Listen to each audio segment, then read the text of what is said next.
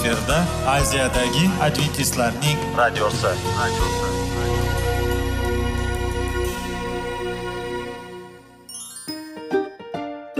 Assalomu alaykum aziz radio tinglovchilar. Sog'liq daqiqasi rubrikasiga xush kelibsiz. Zero tananing sog'lom bo'lishi va uning kasalliklardan saqlash har bir insonning burchi hisoblanadi. Inson uchun bebaho boylik bu sog'liq salomatlikdir. Uni asrash esa har birimizga omonat qilib berilgan. Shuning uchun ham inson o'z sog'lig'ini ehtiyot qilishi va ajib amallardan hisoblanadi. Dono xalqimiz sog'liq tuman boylik deb bejiz aytmagan. Aql idroq sohibi bo'lgan inson o'z hayotini qadrlashi lozim bo'ladi. Hozirgi kunda qanchalik dori darmonlar ko'paymasin tibbiy muassa sifati shifokorlar vasiyasi tibbiy texnika yaxshilanmasin. Agar insonning o'z salomatligi haqida qayg'urmasa kutilgan natijaga erishib bo'lmaydi va biz sizlarga bizning dasturimizga xush kelibsiz deymiz.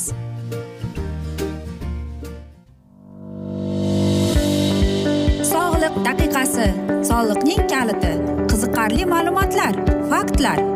Har kuni siz uchun foydali maslahatlar. Sog'liq daqiqasi rubrikasi. rubrikasi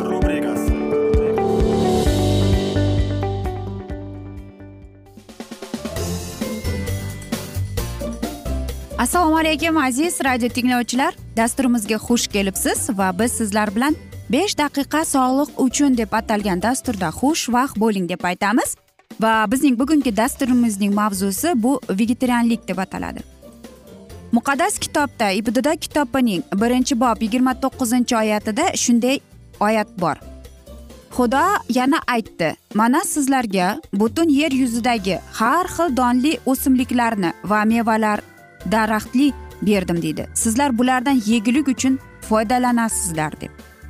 Bilasizmi e, vegetarianlikka qaytishimiz mumkin. E, bu qanday parhez deb aytasiz? Bu parhez emas bu oddiy mana shunday taomlar kundalik taomlarimiz faqat go'shti yo'q. E, go'sht ishlatilmaydi.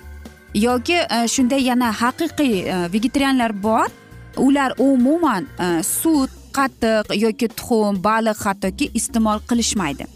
Lekin e, mana shu vegetarianlik ovqatga kelsak bilasizmi? Agar biz ming yilga oldinga qadimga qaytsak bizning ota bobolarimiz aynan vegetarianlar bo'lgan. Chunki ular o'rmonlarda yashab aynan mana shu ko'katlar bilan o'zlariga taomnoma pishirib go'sht unda yo'q edi.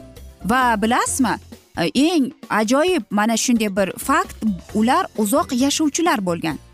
Ya'ni biz muqaddas kitobdan bilamizki adam qancha yashagan yeva masalan qancha yashagan yoki muso bir yuz qanchayam yildan yashab kelgan. Lekin mana shunda o'ylanib qolganman. Nega shunday? Va qarang muqaddas kitobda yozilganki ular go'sht umuman iste'mol qilmagan ekan. Ularda faqat guruch bodom e, yoki ko'katlardan ovqat qilib pishirib yegan. Bular vegetarianlar bo'lgan. Shuning uchun ham ayniqsa nuhning davrida shunday bo'lgan ekanki ular faqatgina o'simliklardan foydalanib va mana shu o'simliklardan shirin va mazali taomlar pishirib va qarang ular eng uzoq yashovchilar bo'lib kelgan ekan. Lekin aynan mana shu mm, suv bostirib o'tgandan keyin go'shtga iste'mollik ehtiyojlik o'sib kelgan ekan.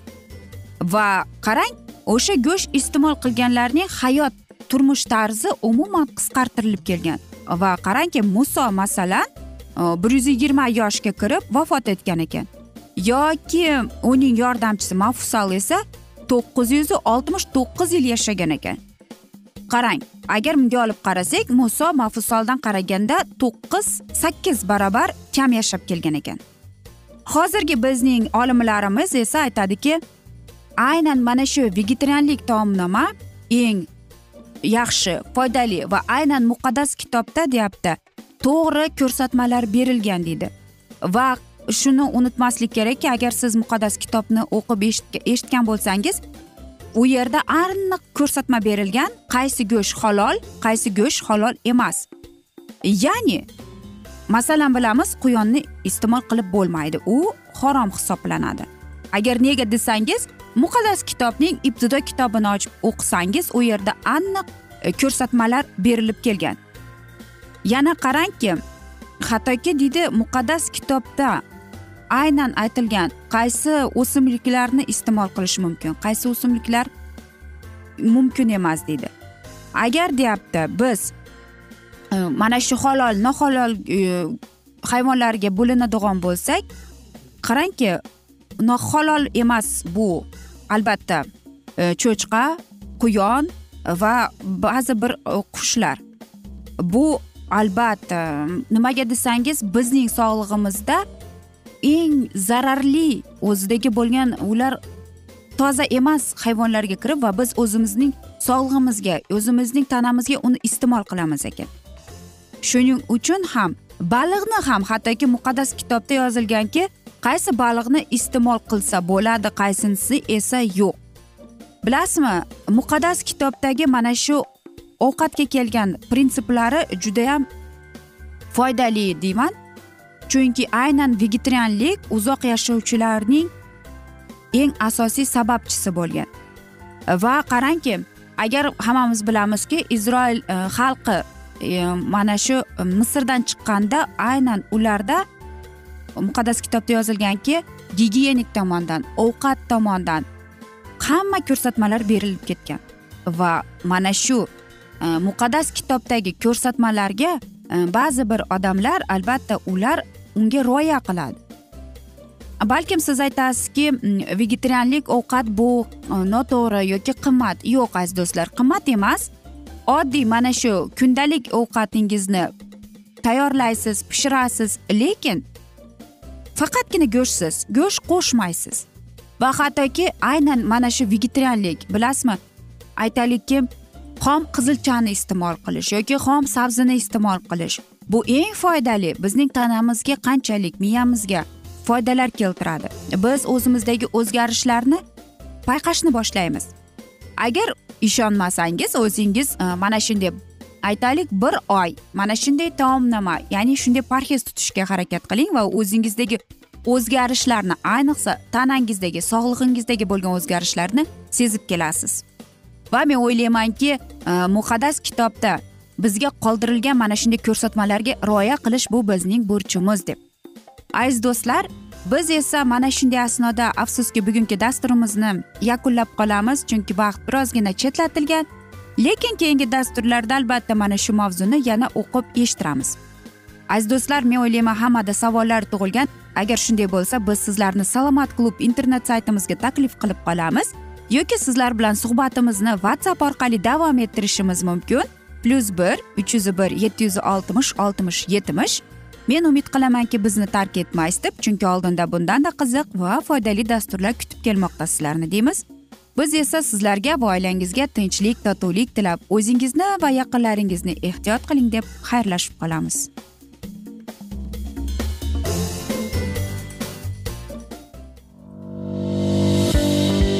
Sog'liq daqiqasi soliqning kaliti qiziqarli ma'lumotlar faktlar.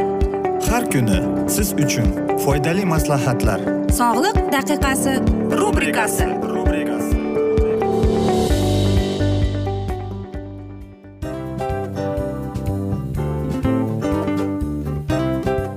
mana ha hayotda hamma narsaning yaxshi narsalar tugaydi va yakunlaydi degandek bizning dasturimizga ham yakun keldi. O'ylaymanki bizning dasturimiz sizga foydali bo'ldi deb aziz radio tinglovchimiz. Va siz o'zingiz uchun kerakli xulosalar kerakli maslahatlar olib oldingiz. Aziz radio tinglovchimiz biz bilan qoling va keyingi dasturlarimiz albatta undanda qiziqroq bo'ladi. Mana shu alfozda sizlar bilan xayrlashib qolaman.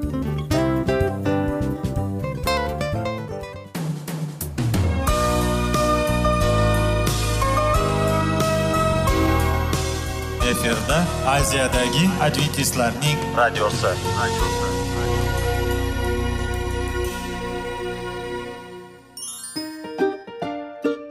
Assalomu alaykum aziz radio tinglovchilarimiz. Dil izhori dasturimizga xush kelibsiz. Pul insonni baxtli qiladimi? Albatta yo'q. Sog'liqchi. Albatta bo'lishi mumkindir. Lekin olimlar shuni isbotlashdiki to'liq va mukammal munosabatlar insonlarni baxtli qilar ekan.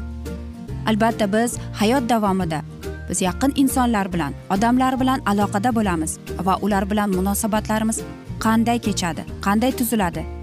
Yigit va qiz er va xotin ota ona va farzandlar va yaqin insonlar bilan. Balkim hozirgi vaqtda kimnidir hayoti yoki munosabatlari buzilyapti. Va bizning dasturlarimiz ularga yordam bo'ladi deb. Va oldinda sizlarni qiziqarli intervyular va mavzular kutyapti va biz umid qilamizki siz biz bilan qolasiz deb.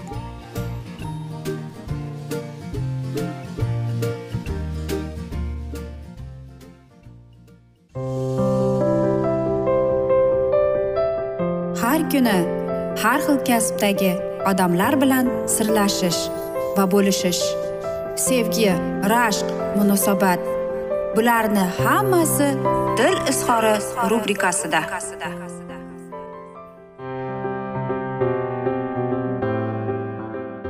Assalomu alaykum aziz radio tinglovchilar. Dasturimizga xush kelibsiz va biz sizlar bilan baxtiyor hayotning qoidalari deb nomlangan dasturda xushvaqt bo'ling deb aytamiz.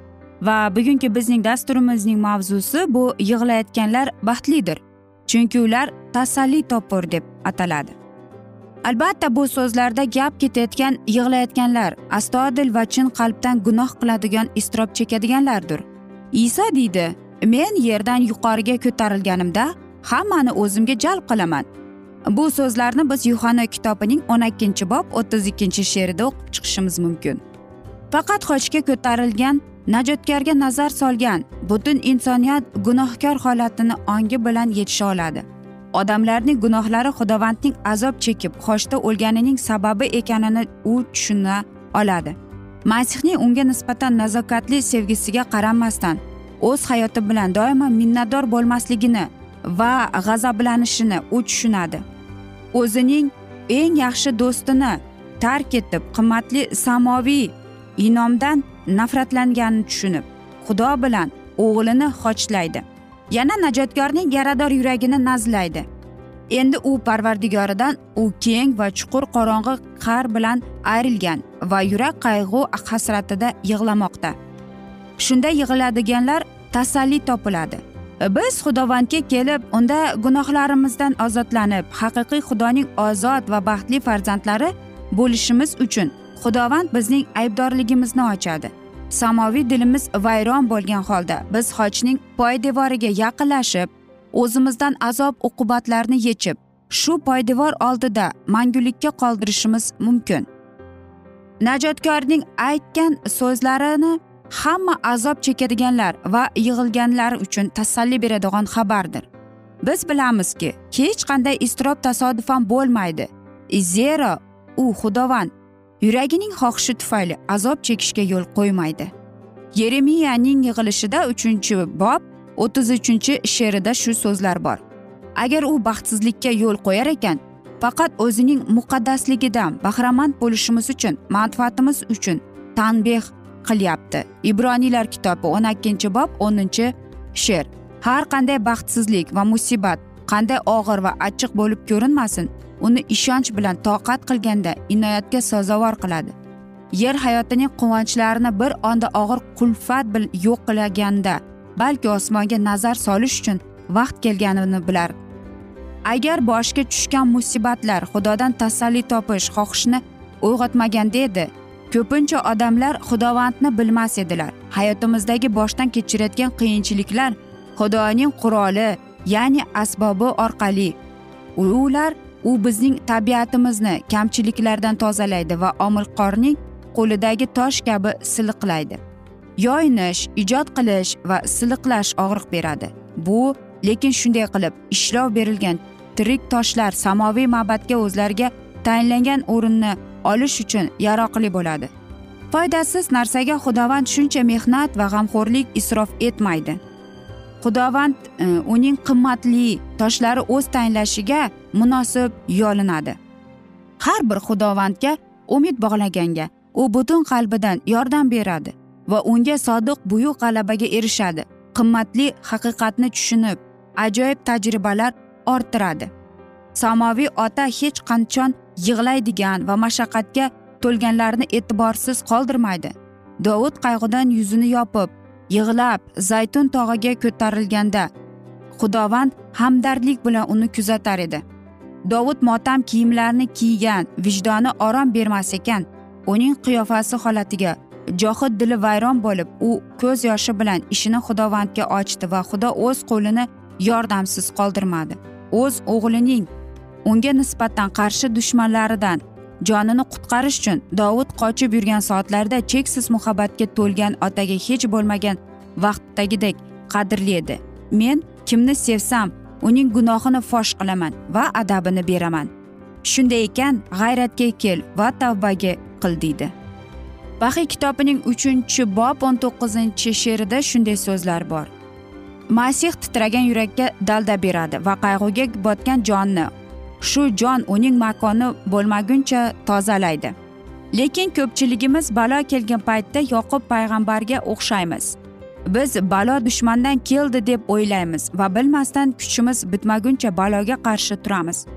Oqibatda yengillashmasdan va yupatilmasdan qolamiz. Faqat tongroqda yoqib ilohiy qo'l sharofati ichigan chanqagan inoyatini olish uchun mayuslikda o'zini uning bag'riga tashladi.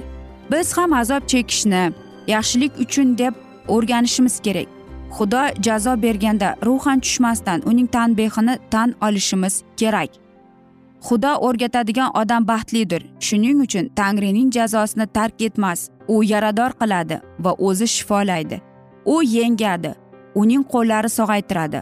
Olti baloda seni qutqaradi. Yettinchisi ham senga tegmaydi. Ayub kitobining beshinchi bob o'n yettinchi to o'n to'qqizinchi she'rigacha. Har bir zulmda qolganga va bemorga iso yaqin va yordam berib shifolashga tayyordir. Uning borligi og'rimizni mayusligimizni azoblarimizni yengillaydi. Aziz do'stlar mana shunday asnoda esa biz shunday chiroyli so'zlar bilan afsus bugungi dasturimizni yakunlab qolamiz. Chunki vaqt birozgina chetlatilgan lekin keyingi dasturlarda albatta mana shu mavzuni yana o'qib eshittiramiz. Agar sizlarda savollar paydo bo'lgan bo'lsa biz sizlar bilan whatsapp orqali suhbatimizni davom ettirishimiz mumkin. Bizning whatsapp raqamimiz plyus bir uch yuz bir yetti yuz oltmish oltmish yetmish. Yana bir bor qaytarib o'taman plyus bir uch yuz bir yetti yuz oltmish oltmish yetmish.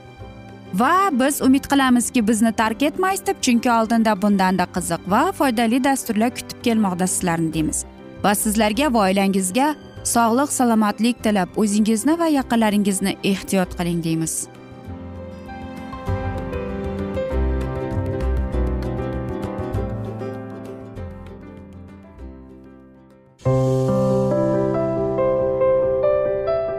Har kuni har xil kasbdagi odamlar bilan sirlashish va bo'lishish sevgi rashq munosabat bularni hammasi dil izhori rubrikasida. Mana aziz radio tinglovchimiz bizning go'zal va foydali va chiroyli dasturimiz yakunlanib bormoqda. Sizlarga birozgina maslahat berib o'tmoqchi edik.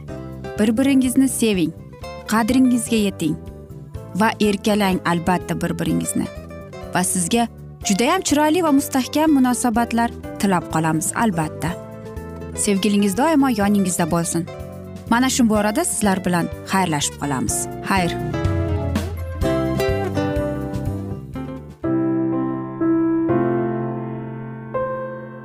Hayotning noni qiziqtirgan savollar va javoblar. Buning hammasi ko'ngil uchun oziqa rubrikasida.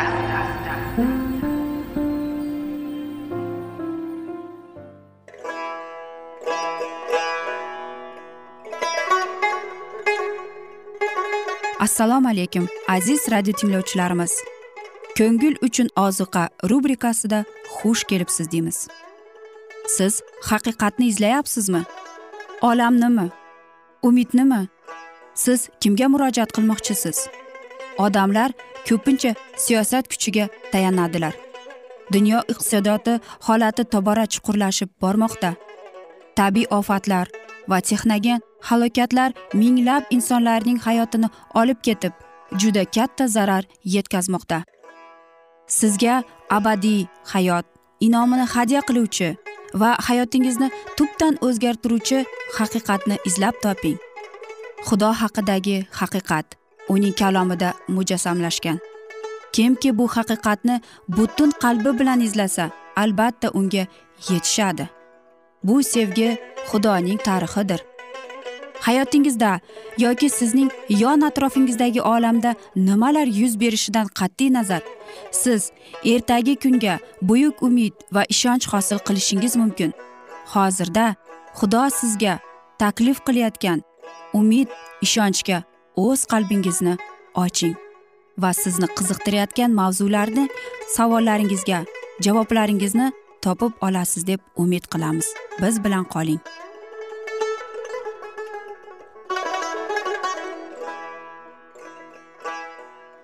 Assalomu alaykum aziz radio tinglovchilar. Dasturimizga xush kelibsiz va biz sizlar bilan ulug' otalar va payg'ambarlar deb nomlangan kitobni o'qib eshittirishni boshlagan edik va bugungi bizning dasturimizning mavzusi iordan daryosidagi chekinish deb ataladi.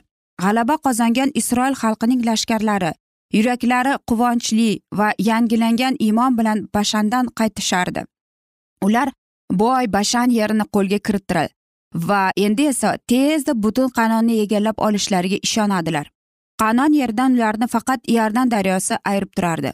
Ular joylashgan manzilining ro'parasida daryoning narigi tomonida boy o'simliklar bilan qoplangan suv manbalari ila sug'orilgandan gullab yashnayotgan uvayda ularga ochildi. Uning g'arbiy chegarasida erixo shahrining dargohlari va minoralari yuksalgan shahar esa xum mozorlarga botgani sababli xurmo shahri deb nom olgandi. Iordanning sharqiy sohilida daryo va yahudiylarni o'tgan tepalik orasida bir necha masofa kengligida daryo bo'ylab cho'zilgan kattalikgina tekislik bor edi. Bu uvaydaning tropik ob havosiga munosib va xush isli akatsiya yoki sitim daraxtlaridan o'sgani uchun u sitim uvaydasi deb nom olgan edi. Isroilliklar ushbu joyda manzil ko'rdilar va ulg'unzorlar ichida akatsiya daraxtlari orasida daryo sohilida o'zlariga orombaxsh joy topdilar. Ammo dushmanining qudratli lashkarlariga nisbatan va sahroning vahshiy hayvonlariga nisbatan ushbu go'zal tabiatli uvaydada kattaroq xavf ham bor edi. Mamlakat tabiatga nazar solganda shunchalik boy va go'zal ko'ringani bilan uning istiqomatchilari tomonidan harom qilingan edi. Ularning bosh xudosi balka xalqaro diniy xizmat vaqtida yuqori darajada axloqsiz va pastkash udumlar o'rin topdi. Atrof tegarakda xudolarga bag'ishlangan butxonlar va besharm tomoshalar uchun belgilangan joylar o'z nomlari bilan xalqning pastkashligi va buzuqligi to'g'risida guvohlanadi. Atrofdagi butparastlik isroilliklarga yomon ta'sir qildi. Ularning ongida o'zidan o'zi iflos fikrlar tug'ila boshladi. Beparvosh harakatsiz hayot axloqiy tushkunlikka sabab bo'ldi. Va ular xudodan uzoqlashganini o'zlari sezmay qoldilar va vasvasaning oson o'ljasi bo'lish holga yaqinlashdilar.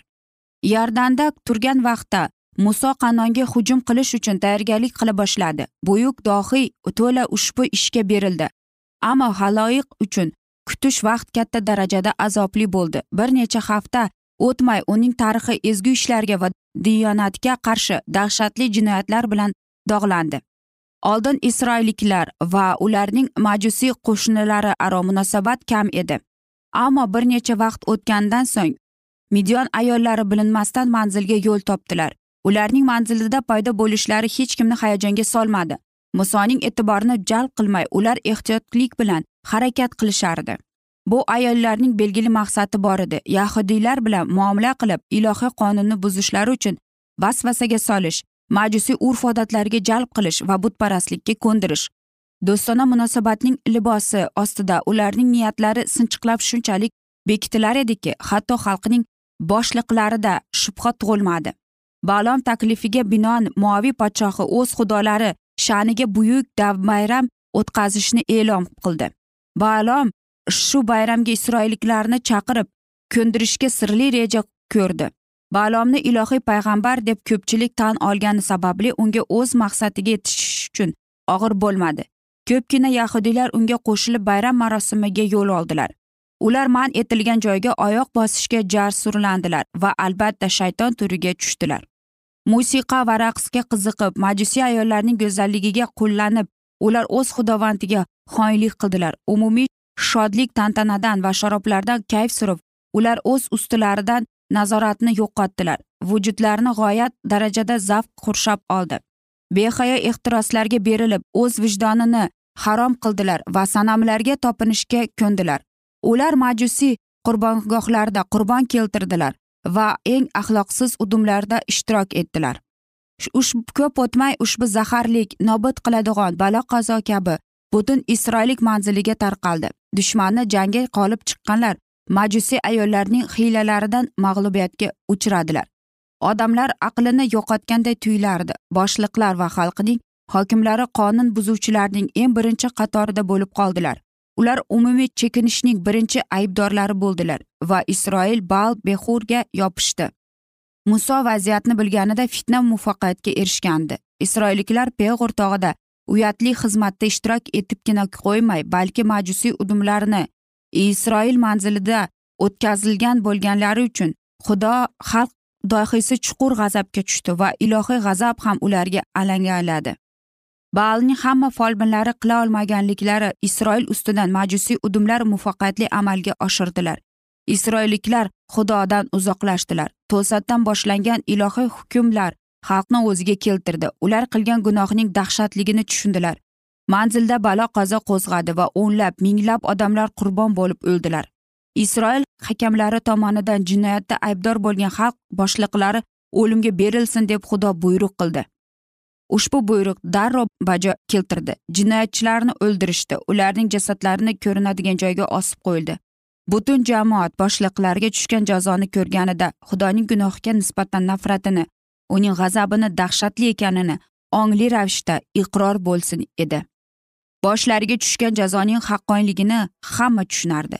Ular xalq kamtarona achchiq yoshni to'kib gunohiga e'tirof etish uchun muqaddas chodirga shoshildi. Aziz do'stlar mana shunday asnoda biz bugungi dasturimizni yakunlab qolamiz. Afsuski vaqt birozgina chetlatilgan lekin biz suhbatimizni whatsapp orqali davom ettirishimiz mumkin. Plyus bir uch yuz bir yetti yuz oltmish oltmish yetmish bizning whatsapp raqamimiz. Va men umid qilamanki bizni tark etmaysiz deb chunki oldinda bundanda qiziq va foydali dasturlar sizni kutib kelmoqda deymiz. Biz esa sizlar bilan xayrlashar ekanmiz sizlarga va oilangizga tinchlik totuvlik tilab o'zingizni va yaqinlaringizni ehtiyot qiling deymiz.